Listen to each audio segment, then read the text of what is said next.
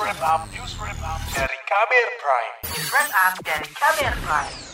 Lonjakan kasus COVID-19 di Indonesia dalam beberapa pekan terakhir membuat keterisian tempat tidur atau bed occupancy rate di rumah sakit rujukan COVID-19 memasuki fase kritis.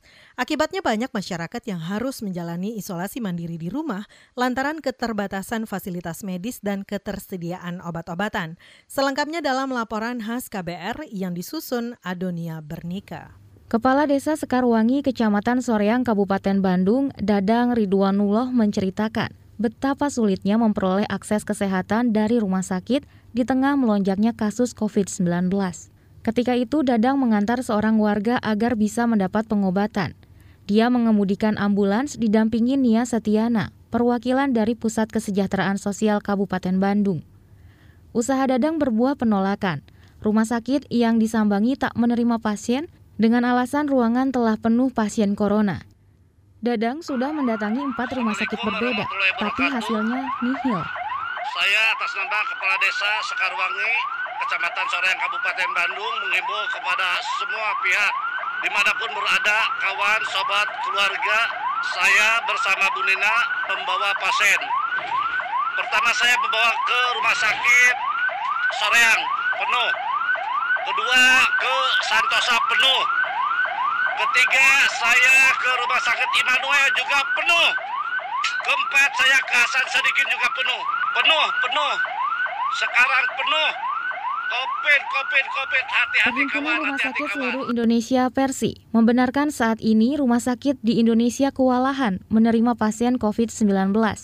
Sekjen Persi Lia G. Pratakusuma mengatakan, keterisian rumah sakit di berbagai daerah meningkat pasca lonjakan kasus. sebetulnya rumah sakit itu menyediakan kapasitas untuk teman-teman yang eh, terpapar COVID, tetapi ada keterbatasan kami, yaitu pada daerah-daerah yang fasilitasnya sedikit dan ternyata terletak pada tempat yang kasusnya banyak, kita sudah mulai kewalahan dalam menerima pasien-pasien COVID-19. Meski tidak seluruh rumah sakit memiliki tingkat keterisian di atas 80 persen, namun Persi menyatakan untuk daerah tertentu seperti DKI Jakarta, Bandung, dan daerah zona merah lainnya kapasitas semakin menipis. Merespon situasi ini, Menteri Kesehatan Budi Gunadi Sadikin menyatakan pemerintah akan berupaya menekan tingginya bor dengan fokus mengatasi permasalahan di hulu.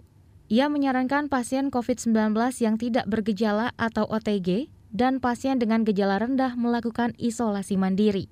Untuk yang diisolasi dan memiliki gejala khususnya dia ada komorbid, khususnya saturasinya di bawah 95%, khususnya sudah mulai sesak, itu dibawa ke rumah sakit. Tetapi yang tidak, lebih baik diisolasi mandiri atau diisolasi terpusat agar tidak terekspos terhadap konsentrasi virus yang tinggi yang ada di rumah sakit dan juga bisa membebaskan rumah sakit untuk benar-benar merawat orang-orang yang sudah sedang dan gawat. Menteri Kesehatan Budi Gunadi Sadikin juga mengatakan pihaknya akan berkoordinasi dengan TNI dan Polri untuk mengelompokkan pasien isolasi mandiri, isolasi terpusat, atau rumah sakit. Menanggapi hal itu, Hermawan Saputra dari Ikatan Kesehatan Masyarakat Indonesia IAKMI mengatakan, tingginya kapasitas rumah sakit dan rendahnya upaya testing adalah dua masalah yang mesti segera dicarikan solusi. Namun ia tak sepakat jika kebijakan yang diambil pemerintah adalah menyarankan isolasi mandiri bagi pasien COVID-19 yang tidak bergejala. Isolasi mandiri, kata dia, justru bisa jadi bumerang lantaran tidak semua pasien memiliki rumah yang layak.